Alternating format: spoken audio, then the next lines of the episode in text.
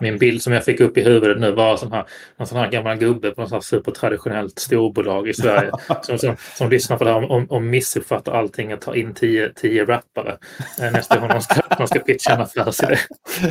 Ja, varför det är bättre än ingen i rummet kan jag säga. Ja, så, så är det ju faktiskt.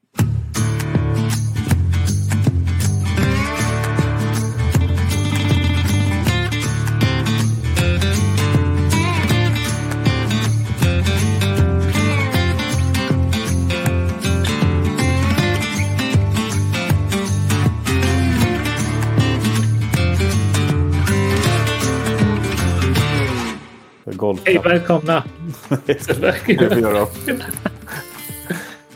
Hej och välkomna till Honeypot. Eh, det här är podcasten för dig som vill veta mer om hur du skapar de bästa insikterna, idéerna och resultaten i ert innovationsarbete så praktiskt det bara går. Eh, jag heter Alexander Wennerberg Larsson och jag har med mig Fredrik Heghammar, som alltid. Aj, varenda vecka alltså. Ja, jag gillar beskrivningen att det blir mer och mer detaljerat för varje avsnitt. ja, det, jag, bara, bara, jag bara kör den rakt in. Ja.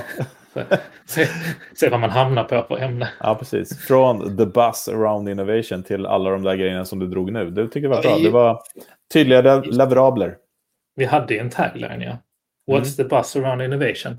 Ja, fast det där som du sa nu, det, det känns ju som att det är en bättre ROI mm. på det. Ja.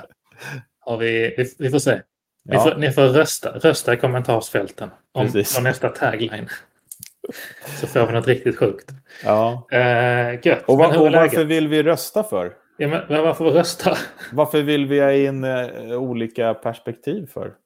Uh, jo, för att det är viktigt att få in kvantitet för att nå kvalitet. jag tänkte jag ska försöka göra en brygga till dagens avsnitt. Jaha, ja, men, aha, den hängde inte jag med på knappt. Nej, sorry. ja. Men eh, idag ska vi i alla fall snacka om eh, design thinking. Precis. Vad, är det, är det, vad har du för relation till design thinking? Eller vad tänker du på? Eh, jo, men jag eh, lever och andas design thinking, mm. kan man säga. Mm. Mm. Eh, men jag måste också börja med att jag tycker att det är så olyckligt namn. Ja, för att det har ju ingenting med färg och form att göra. Eller man behöver inte vara designer, man behöver inte Nej. hålla på med körning och typografi och sådana saker. Utan mm. design thinking är ju något helt annat. Och Precis. där kan det faktiskt ställa till det lite grann tycker jag. Eller jag mm. upplever det ibland. Men, men annars så andas jag och eh, mm. lever det på daglig basis. Ja, men jag kan inte, kan inte hålla med mer. Alltså jag, jag tycker det är... När man, när man djupdyker i begreppet så tycker jag att eh, ordet design i det här i det här begreppet spelar eh, en så fin innebörd efter hur mm. den förklaras av då exempelvis David Kelly på, på IDEO. Men, mm. men ja, det är just det här med när man hör design så bör man ju direkt, direkt tänka på folk som jobbar med Eh, att eh, rita och, och, måla och skapa och färga former. Ja, och, ja, och faktiskt blir det inte bättre av att Mr Kelly säger det heller, för han är ju Uber-designern. Superdesignern, ja precis. men, men, mycket, men apropå det där med design och mm. design thinking och begreppet så är det ju design är just det här, om vi ska gå in på lite grann det som en, som en första sak kanske, mm. varför just design i det här begreppet, där menar ju, eh, och där kan vi nästan gå tillbaka till lite grann just eh, IDEO och, och, och, David Kelly eh, mm. lite grann tycker jag. För att det är ju ändå... IDEO säger ju själva att det är inte vi som har kommit på design thinking. Sen, sen, sen är det ju, känns det ju fortfarande som att de har varit en väldigt central, en väldigt central roll kring, ja. kring hur de etablerats. Men så som David Kelly, då, en av grundarna till IDEO, beskriver det så säger han ju att design handlar om skapande. Mm. Eh, och designs innebo, inneboende liksom, liksom kreativitet. Där kreativitet egentligen kan handla, det behöver inte handla om färg och form utan det kan handla om, du kan vara kreativ i hur du mm. skapar ett eh, Excel-ark på bästa sätt. Ja. eh, eller vad det nu kan vara. För så, så att design... Någon uträkningskoppling som är kreativ. Ja, men, exakt, så att design handlar ju om skapandet egentligen. Mm. Det är det som är mycket... Jag vet, eh, på, eh, på engelskan är det ju ett eh, fantastiskt ord, design. Ja. Mm. Eh, men på svenskan, eftersom vi inte ens har bemöt oss, eh, mm. bemödat oss med att eh, översätta det, så mm. blir det ju svårare. Ja, jag tycker dessutom att nu, nu, nu kommer jag få en, eh, förskita mamma, hon är svensklärare. Mm. Eh, eh, jag tycker att engelskan är ett bättre språk än svenskan. Ja, men på sådana saker. Och de är, ju, de är ju världsmästare på att hitta på saker, hitta på ord som ja. passar också. Men just det, vad man skulle kunna översätta det då på svenskan så är design skapa då, precis som du säger. Mm. Eh, ska, skapande lösningar. Och mm. det, det jag tycker en bransch som jag tänker på som är mm. för mig 100% design thinking mm. är ju inte faktiskt designvärlden. För att jag har jobbat i den världen ganska mycket med kommunikation och design och sådana saker. Där mm. man är väldigt dålig på att lyssna på slutanvändaren. Ja. Ska jag vilja säga. Man är, det, man är det, också väldigt så pixel perfect. Uh, jo, precis. Men man uh, jobbar ut, oftast uh, utifrån vad man själv tror och tycker och, mm. och sitt eget uh, ego då lite grann kanske. Mm. Och, och, det gör man i och för sig i den här branschen, som ska, ska nämna nu också. Men musikbranschen. Mm. Hur man på professionell nivå jobbar med att skapa musik. Speciellt idag och speciellt mm. inom hiphopen. man kan tycka att det känns fånigt när en rappare inne och, och, spelar in sina, sina grejer och det sitter eh, tio homies in i studion liksom hit och dit. Mm. Men det är design thinking. För de är med och tycker till i realtid. Mm. Istället för att det där ska släppas och sen ska de här tycka till. Eh, och, och det är faktiskt sättet man jobbar, man har en producent som leder arbetet och lyssnar och tar in och kommer med sina, det, det är en facilitator då, om man säger så, eh, som tar in olika eh, musiker för att lägga sina grejer på. Man har, ja, det, musikbranschen är faktiskt fantastisk på så sätt. Mm. Och också inom digitaliseringen som eh, har banat väg då för att jobba med alla de här olika perspektiven. Man kallar det post, man jobbar på postorder säger man att ja, jag lägger gitarr, jag skickar det, för att alla sitter ju nu med en hemstudio och den delen har demokratiserats. Mm. Det här med att alla kan bidra. Lite grann som Hives plattform, mm. att har alla Hives, ja men då kan mm. alla bidra. Det är precis som att alla skulle ha en dator med ett musikprogram. Mm. Eh, sen måste man ju ta det här, komp eh, komponera och styra och få in alla de här perspektiven på rätt sätt. Så jag tycker att in, eh, musikbranschen är väldigt bra förebild, tycker jag. Mm. Min bild som jag fick upp i huvudet nu var sån här, en sån här gammal gubbe på något supertraditionellt storbolag i Sverige som, som, som lyssnar på det här och, och missuppfattar allting och tar in tio, tio rappare eh, nästa gång de ska, de ska pitcha en affärsidé. Ja, varför det är bättre än ingen i rummet kan jag säga. Ja, så, så, är det ju faktiskt. Nej, men också de här ehm, eh, singer-songwriter sessions som nu händer över hela världen. Framförallt i LA, man åker runt och man är där och skriver låtar. Man går in i olika mm. rum, det sitter olika musiker och sånt. Det är, det är precis det mm. som vi pratade om i förra avsnittet också med, med sprintar och sånt. Mm. Eh, och man, om man har spelat i band, jag spelar i band och har gjort det hela mitt liv. Man, man går in, man ses, man gör demos ihop, man tycker och tänker och mm. bidrar och hit och dit. Och så spelar man in en demo och sen så spelar man in en skiva sen. Det, ja, det är, det är väldigt likt. Mm. Du ser. Mm. Fler musiker in i affärsvärlden. Men vad säger, vad säger Wikipedia? Eh, men Wikipedia säger att det grundar sig i eh, några stycken nyckelfaktorer. Eh, mm.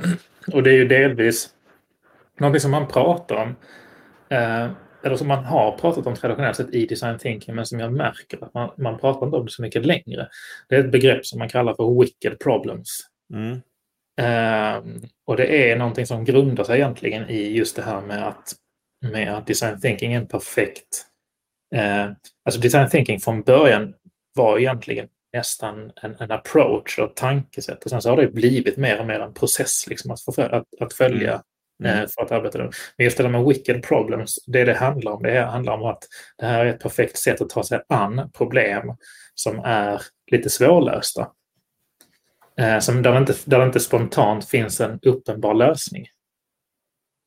Ja, där håller inte jag med. Gör inte det? Nej, för att design thinking för mig är när man observerar mm. målgruppen och löser deras riktiga problem. Det vill mm. säga tvärtom mot wicked problems. Ja, det, och det är det, det som jag tycker är skitintressant med design thinking. Det är ja. att design thinking har nästan fått egna ben. Jo, men alltså, jag tror att det är det def definitionen mm. av design thinking mm. är ju grunden i att man empatiserar med den mm. som man ska, löser problemet för. Om man tittar på det här Jobs to be done då, som Harvard pratar om, Christensen då, som gick bort här förra året. Men ähm, att, att man liksom istället då för att hitta på saker och ting mm. observerar och sånt. Och det här är också roligt, mm. för du har ju en poäng i det, för att jag föreläser mycket om det här. Eh, mm. Och då kan det, brukar det oftast vara någon kille eh, i publiken som säger ja men om Henry Ford hade frågat mm. folket vad de ville ha så hade de ju inte sagt en bil. Nej, mm. det hade de inte gjort. Men han tittade på vad de hade för behov. Mm.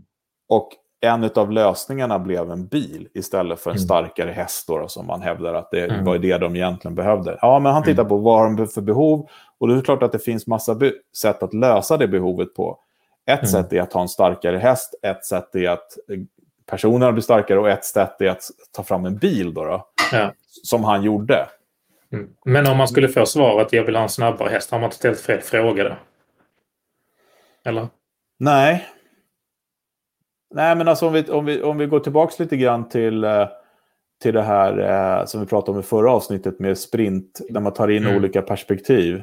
Tar in fem mm. personer i en grupp och ställer frågan eh, vad har du för ut, utmaningar i ditt mm. dagliga liv? Så skulle nog mm. åtminstone en eller två på den tiden säga att eh, min häst är för slö. Mm.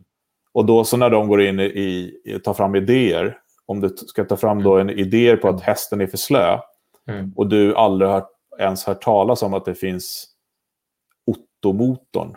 Liksom. Mm. då kommer du aldrig vara där. Men däremot om du har då en mm. eh, representant med i gruppen som kan Otto-motorer så bara Jo, men eh, du vet, det finns en Otto-motor här och den, ju, den har ju 12 hästkrafter. Vad mm. säger du? Finns det en maskin som kan vara är lika stark som 12 hästar? Ja, ja men då är det den vi går. Alltså, det är så det händer. Mm. Men problemet är ju ändå troligtvis att flerparten i gruppen vill ha en, ha en starkare häst. För det är det de känner till. Ja. Och då måste man ju gräva i det.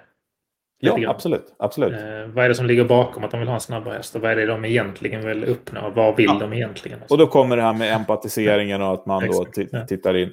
Men det är klart att det är massa, massa uppfinningar och innovationer i världen som har fått folk att ändra. Man har hittat mm. behov som inte finns. Mm. Uh, och där har ju liksom, uh, som det här avsnittet vi pratade om kommunikation, det är liksom mm. mördande reklam kan ju skapa vilka behov som mm. helst. Förr i tiden i alla fall, ska jag säga. Men... Exakt. Mm. Ja, men det nyckelordet med empati där, eh, det tycker jag är väldigt intressant för att det Eh, det kan också vara värt att poängtera, tycker jag, empati eller empatisera. För det, det upplever jag det första som jag ofta får av personer när jag pratar om just empati eller empatisera som en väldigt viktig del av innovationsarbetet och, mm. och specifikt design thinking då, det är just att man blandar ihop det med sympati. Ja, just det. Just alltså det. Att, att, att, liksom, att empati, innebörden av empati handlar ju om att förstå andra människor. Mm. Uh, och, och, sätta sig in i det. Alltså, sätta sig in Absolut. i det. Men jag skulle också vilja säga att, uh, att uh, design thinking också handlar om representation. Mm.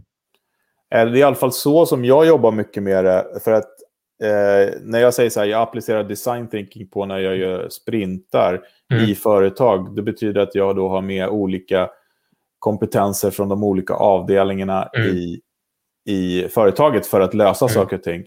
Mm. Det är ju i sig kanske inte per definition design thinking, men för mig är det för att de representerar, jag kan ställa frågor till dem tidigt och då mm. empatisera med dem, få med mm. med dem, få deras kunskap. Mm. Men att det är ju inte samma sak som att empatisera med slutanvändaren, om inte de är slutanvändaren då förstås. Mm. Uh, men jag tycker den här milkshake-storyn mm. med uh, Peterson, nej Christensen menar jag, uh, är fantastisk. Harvard. Ska jag dra den lite snabbt? Ja, absolut. Ja, absolut. Det, det blir eh, snabbversioner. Men många, många år sedan eh, har jag konstaterat att det är... Man, man, kan googla den här storyn också. Eh, Harvard och Christensen Milkshake. Om ni googlar det så mm. får ni fram storyn. Det är liksom lite grann så här essensen i design thinking. Att Mil McDonalds skulle ta fram den perfekta milkshaken. De gick till en PR-byrå, för PR-byråer är väldigt duktiga på att titta på insights och, och de är vana att jobba med design thinking kan man säga, för de gör research och de frågar och tittar och sånt för att skapa då ett underlag eh, och eh, mm. då i slutändan få någonting som kallas för förtjänad media istället för köpt media. Då. Eh, men gick till en PR-byrå och de gjorde massa research på den perfekta milkshaken. Det var smak, det var ky, eh, liksom hur kall den var, tjocklek etc. Storlek och sådana saker. Eh, och så implementerade de där, men de sålde inte mer milkshake för det. Då sa Harvard då, med, med professor Christensen i spetsen, att kan inte vi få applicera någonting som kallas design thinking på det där? Mm. Jo, men det kan ni få göra. Ja, vad går det ut på? Jo, de ställde några elever utanför McDonalds en hel dag och observerade de som gick in och köpte. Och de konstaterade ganska snabbt att de flesta milkshakesen såldes på morgonen. Mm. Tidigt på morgonen. Och det var ju som en chock för då, eh, inte för McDonalds, för de sålde ju milkshakes. Så de, PR-byrån borde ha frågat dem, men de hade inte gjort det helt enkelt. eh, så då frågade då de här eh, Harvard-studenterna, de som köpte milkshake, varför köper du milkshake? Vad uträttar milkshaken för jobb till dig? För att eh, de pratar om jobs to be done. Då, då. Ja, hur menar du då? Ja, men varför köper du den? Liksom så här. Ja, men jag köper den till frukost. Jaha, mm. men varför väljer du den? Vad, vad, vad, gör den som inte en eh, macka gör? Liksom så här, Aha, mm. jo, men den håller mig i sällskap i bilen medan jag sitter i kö. Mm. Det tar liksom en halvtimme att suga i sig den där. Och när jag kommer fram så är jag mätt nästan. Jag kan nästan hoppa över lunchen ibland. Liksom. Eller jag kan äta mycket senare för jag är mätt och hit och dit. Men framförallt så handlar det om att hålla sällskap. Okej, okay. Är, är, är det några andra grejer som du ibland då anlitar för att uträtta samma jobb till dig? Ja, mm. ibland så köper jag en bagel, ibland köper jag en, en, eh, en munk. Eh, och eh, gud förbjude, men ibland så köper jag en Snickers. Jaha, men vad, vad är det de inte gör? Nej, men bageln smular så mycket, munken, det blir massa socker och, och eh, ja, en, en sån här bar, den går för fort liksom. Mm. Så att sådana här grejer fick de. Och då, då kan man ju titta på att då hade ju PR-byrån fått helt fel data. Mm. De hade väl tagit fram en milkshake som passade bra till en burgare på kvällen. Mm. Så att med, medan den här målgruppen som köpte mest milkshake då, då, de behövde ju egentligen en smoothie, någonting som var nyttigare någonting som, liksom, som de kunde sitta och sippa på som kanske inte gjorde att de var smälltjocka bara för att de ville ha sällskap i bilen av en milkshake. eh, och det tycker jag det är design thinking. Man tittar på, liksom, för att vi människor är världsmästare på att hitta produkter eller, mm. eller, tjänster som gör saker till oss som de kanske inte ens är till för. Liksom. Mm. Och det där med observerandet är verkligen en nyckelpunkt i det empatiserandet. För det handlar ju, och det behöver inte vara att man står och, och stirrar på folk. Mm. Det, kan ju handla om att ställa rätt frågor. Och, ja, ja, eller ha med dem i processen helt enkelt. Ja, exakt. Eh, och då kan man tänka sig att när jag var liten, men då, då kunde så här, eh, häl, vad heter det, Hälsostyrelsen, vad heter de? Heter det det? Ja, men man kunde så här, det är bra äta. Ja, men det är så här, alla ska äta två skivor bröd om dagen, för det är bra. Ja. Då liksom ja. bara pushades det ut och så åt mm. alla två skivor bröd mm. om dagen. Mm. Man ät, eh, tandläkarna tyckte att eh, tänderna var så dåliga, så bara, mm. vi äter lördagsgodis. Och då kunde man mm. prångla ut det, så åt alla lördagsgodis. Liksom. eh, så ser inte världen riktigt ut idag. Nej. Eh, men, men det är ju nudga folk kan man säga. Och det, det tycker jag vi ska prata om i ett annat avsnitt, vad nudging är. Verkligen. Hur man kan jobba med det. Men design thinking är just det här, den här milkshake-exemplet är superbra. Och jag, nu, jag berättade bara ett fragment av den, så googla den. Mm. McDonalds, Harvard, Christensen, milkshake. Yes, mm. fixa det. Men du, en annan sak som vi mm. tjatar hål i huvudet på folk om eh, kommer väl till stor del från design thinking också. Kvantitet för att hitta kvalitet. Eller i alla fall från ideation fas, eller i idéfasen. Där de pratar, man pratar kanske om diverge och converge. Ja, men i, IDEO, mm. IDEO pratar ju om det här iterera, liksom också. Mm. Att, liksom att man, man, eh, man tar fram kvantitet för att man liksom testar hit och dit. Mm. Eh, det är klart att jag, jag, själv tror ju på, och har, eftersom jag har sett och jobbat med så många projekt, så vet jag att man behöver ta fram väldigt mycket och, och hova i, så att säga. Mm. Eh, eller eh, som jag brukar säga ibland, man behöver Pippis kappsäck full med mm. guldmynt och, mm. och, och, rota i. liksom. Eh, för att hitta saker och ting. Och då det här med design thinking på det, det betyder ju att du har olika grejer som du kan para ihop med. Och det, till exempel så är, eh, finns det ju så här klassiska hjälpmedel när man jobbar med kreativitet och innovation. Till exempel det finns kortlekar, method cards som en, mm. en Ola, en kompis, tar fram. Mm. Som kan hjälpa till med att du drar ett kort som säger så här, okej, okay, gör din idé gul. Mm. Eh, och egentligen så är ju det samma sak som att någon, någon då som ett annat perspektiv är med som säger så här, ja men du vet det, jag gillar gult. Eller så här, varför, eh, okej, okay, eh, applicera delningsekonomi på din idé. Mm. Och det är sådana här frågor som kan komma när folk med olika kompetens samarbetar. Det är det som är så coolt. Liksom så här, aha, mm. delningsekonomi på eh, en, eh, en grill. Mm, vad skulle det kunna vara? Mm. Ja, det är en idé som jag har haft väldigt länge. När jag, för när jag har grillat klart här på min altan, då är glöden som bäst. Då borde jag kunna lägga mm. ut den någonstans så kan grannen komma och ta den.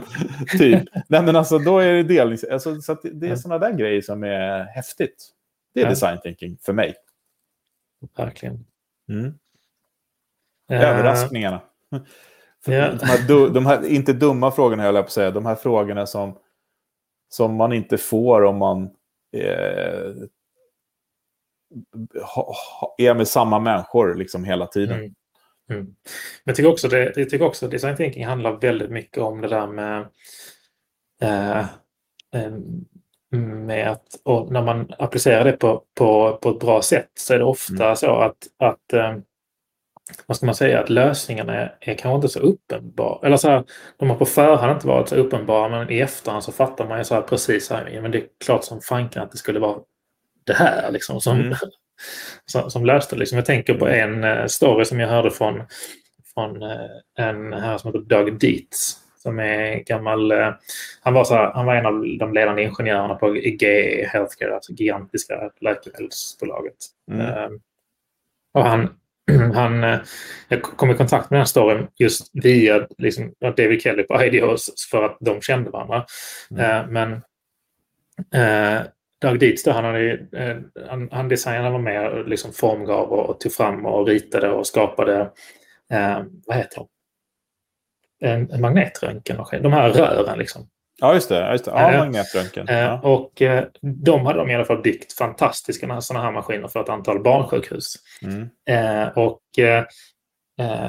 på då GE Healthcare så hade de ett antal sådana här, de, de var tvungna att de skulle då liksom göra typ user visits eller mm. liksom observation då helt enkelt ute och, och se liksom hur används de. Så att de åkte ut på en sån här liksom standardkontroll då egentligen och hade ett frågeformulär med sig och han skulle ställa frågor och så vidare. Och det han upptäckte var egentligen så att ja, men, när Liksom, han var ju skitstolt. Han var så här, ja, men hur, det, här, det här räddar liv och den här tar reda på jättemycket bra grejer och hur fungerar de där och förstår ni knapparna, instruktioner och allting. Men det han, det han hittade till slut, det var ju så här, men problemet var ju att han såg ju familj och, och, och, familj efter familj som gick in med mm. barn som var livrädda. Just det. För att åka in i den där jävla tunneln som låter hur mycket som helst också. Och den, eh, eh då, då frågade han, eh, då enligt liksom, sin egen story då, att men, vad, vad är det här då? Och då, då sa sköterskorna, men, ungefär 90 procent av barnen måste vi ge lugnande för att ens kunna genomföra undersökningen. Mm. Och när han tog det med sig tillbaka och kom tillbaka till kontoret och de började involvera, liksom så här, men de började involvera lärare och barn och kreatörer och eh, ingenjörer och, och läkare och allt möjligt. Mm. Det de kom fram med till slut när de hade börjat liksom verkligen så rita av sig, tänka av sig kreativ, kreativiteten i flödet liksom, och just använda många olika perspektiv och observera vad det verkliga problemet var. Det var att de behövde inte göra en enda, en enda förändring på maskinen i sig. Nej. Utan det de gjorde det var att de klädde in rummen i stories. Just det. Eh, så att liksom rummet blev eh, eh, piratrummet. Och ja. i samband med att man kom in där så berättade sköterskan en story om att nu måste du gå på, hade de ritat en planka i golvet liksom och skulle de undvika att trampa i vattnet mm. på stenar. Som, och så här fick de då vara liksom, piratkapten och sen när de skulle upp på den och så vidare. Och helt plötsligt så sjönk det från bara 90 procent ner till 3 procent eller sånt liksom, som ja. behövde. Ja, men det, det, det är coolt ja. eh, på så sätt när man liksom tittar på det här. Mm. Och ibland så behöver det inte vara så himla avancerat. Jag menar, jag har ju mm. jobbat med ganska komplexa fråg, äh, liksom mm. utmaningar som har slutat med att man köper en ny telefon till receptionisten. Mm. Ja, exakt. För att det är där problemet sitter. ja. Uh, men en annan grej faktiskt jag tänkte på nu, mm. nu när du pratar.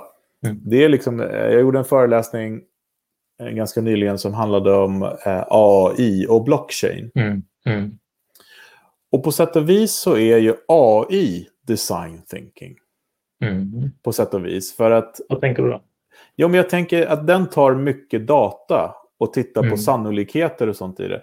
Mm. Eh, exemplet som jag skulle dra nu var till exempel när man går till doktorn mm. idag. Så är det inte helt omöjligt att de googlar. Jag gick med min son för några år sedan. Han mm. hade stukat foten och hon frågade vad har hänt? Ja, han har hoppat på en studsmatta. Hon gick på Google. Hoppa studsmatta, vanligaste åkommor. Mm. Mm. Och hon satt och kollade. Bara, mm, mm, Okej. Okay. Eh, ja, och så Mm. Hon sa, ja det är troligtvis ankeln, ska jag titta? Hon bara, ja den var det. Okej. Okay. Mm.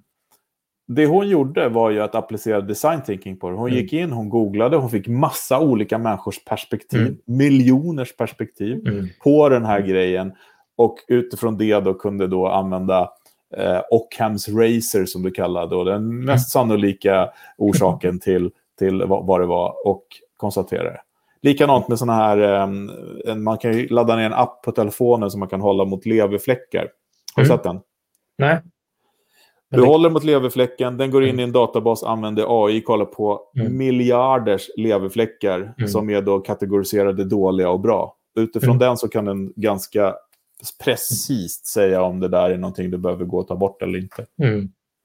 Alltså jag tycker det är så fantastiskt. Och det finns ju jag har en superpositiv eh, känsla för, för... Alltså det finns så mycket katastrofrubriker om att AI kommer att ta våra jobb och bottarna tar över och så vidare. Mm. Och det, det som jag tycker att man kanske, nu glider kanske bort från ämnet lite grann, men...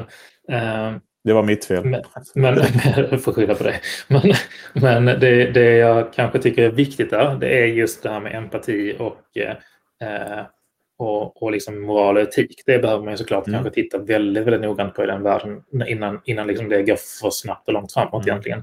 Men det jag tycker är fantastiskt med det, det är ju att någonting som jag kan tycka att vi till, till ganska mångt och mycket i, i, liksom, i, ett, i ett modernt samhälle har kommit till det är att människan gör massvis av saker som människan inte är till för. Mm. Alltså om vi istället kan använda AI och bottar till. Jo, men alltså att få olika perspektiv på saker och ting mm. är ju superviktigt. Och det handlar om information. Eh, jag brukar ju dra liksom eh, skillnad. Jag är uppvuxen i Vaxholm eller på Resare till och med. Vi var mm.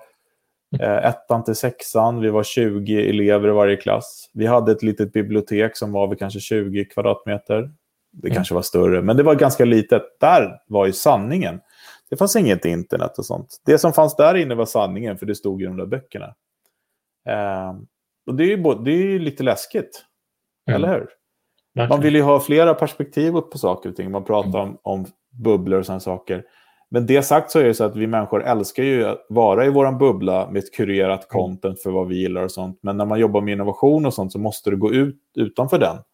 Mm. Och ta in, kunna ta in kompetenser och sånt. Och då är det bra som vi pratade om i förra avsnittet, så pratade om designsprintar eller sprintar.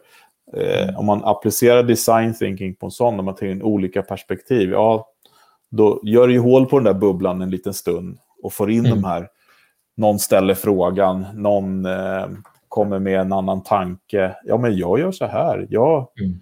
jag har målat om rummet istället i min, i min eh, magnetröntgen istället för att mm. bygga om den. Jaha, funkar det? ja, det funkar klockrent. Mm. Toppen. Mm. Liksom. Mm. Så att det, det är häftigt. Verkligen helt enkelt. Mm. Så design thinking tycker jag är någonting alla ska applicera. Och jag tror att de flesta människor som inte är helt asociala och lever isolerade har eh, element av design thinking i sina liv hela tiden. Mm. Jag tror att alla människor ska... Alltså det, det, är, det är faktiskt någonting som jag vill, vill eh, trycka lite grann på med, med med design thinking och ta upp. För det, det är någonting som jag känner väldigt kraftfullt för. Det är just det här med att, att uh, vi är... Uh, och jag vet att många använder liksom i sin, i, i liksom som, som klyschor och så kanske, men när vi är barn så är vi så himla nyfikna. Mm. Och alla barn är i princip kreativa. Liksom. Man ser ju det när man, om, om man observerar liksom en, en skolklass eller en, en förskoleklass. Liksom. Ja. Men det är någonstans där på vägen som många liksom har fått höra att för att de ritade en dålig teckning eller de var inte så skickliga på liksom någonting som ja, var... Fast, liksom fast det tycker jag också är intressant. Eh, jag håller med precis vad du säger, men jag mm. tycker att det är tråkigt också att kreativitet hela tiden är förknippat med, med konst. Ja, precis. Och det var, det var exakt det jag skulle komma till. Att, liksom, att, att man, man på något sätt får man höra liksom att, att man inte är kreativ för att man inte kunde det. Mm. Men det i sig innebär ju bara att man kanske inte var så bra på att rita. Men det innebär mm. inte att man inte är kreativ på andra områden för den sakens skull. Nej, precis. Men jag tror också att, eh, och jag håller med dig absolut, och det är som vi sa där, uh, dream like a child och test like an adult. Mm, det är ju så oftast, eh, problemet att vi tappar det där är ju att vi, vi lär oss vad som är rätt och fel och vi lär oss saker mm. och ting och, och då så här, nej men, eh, man, man, kan inte, man kan inte, liksom koldioxid är farligt. Så, här. Mm. så kommer någon bara, ja ah, men man kan göra om koldioxid till fast form. Mm. Okej, okay, om man kan göra det till fast form, då kan man ju kanske göra kläder av det. Mm. Eh, ja, det kan man. Jag har mm. kompisar som gör kläder av koldioxid. Eh, det går åt ganska mycket energi fortfarande, men det går att göra. Eh, och, och, det är sådana där grejer som man bara, ja men varför inte? Liksom. Mm. Eh, och det, det, är så himla coolt när de där, man bara, ja, och än en gång, då, vi lever ju i en tid liksom där allt går att lösa bara vi kommer på det. Mm. Därför blir design thinking ännu viktigare. Mm. Och jag måste också säga, du, eh, du är ganska ödmjuk över det, för ni sitter ju på en plattform där man verkligen kan... Alla som använder en plattform som Hives mm. kan applicera design thinking i sitt arbete. Eh, och göra det digitalt. Man behöver mm. inte göra fysiska träffar för att applicera design thinking. Man kan faktiskt, som i ert mm. verktyg, starta en Hive och bjuda in folk som kommer med kommentarer, tankar och sånt. Mm, precis, för att, och det är också mycket av kraften i det. Det är ju att, lite grann som vi var inne på i förra avsnittet med sprinta. Sprinta är ett sätt att göra saker mm. på. Men man kan också öppna upp för att hålla det här öppet och remote och pågående över längre tider. Mm. Alltså det, det, kan ju vara så att man kanske inte kommer på idéer just specifikt under en sprint eller någonting så, utan då, då ska det finnas ett hem, hem där de där kan få leva och finnas. Och, och ja, verkligen. Och, och innovation Nej. handlar ju mycket om timing. Så att, eh, mm. eh, än en gång då det här med kvantitet för att hitta kvalitet.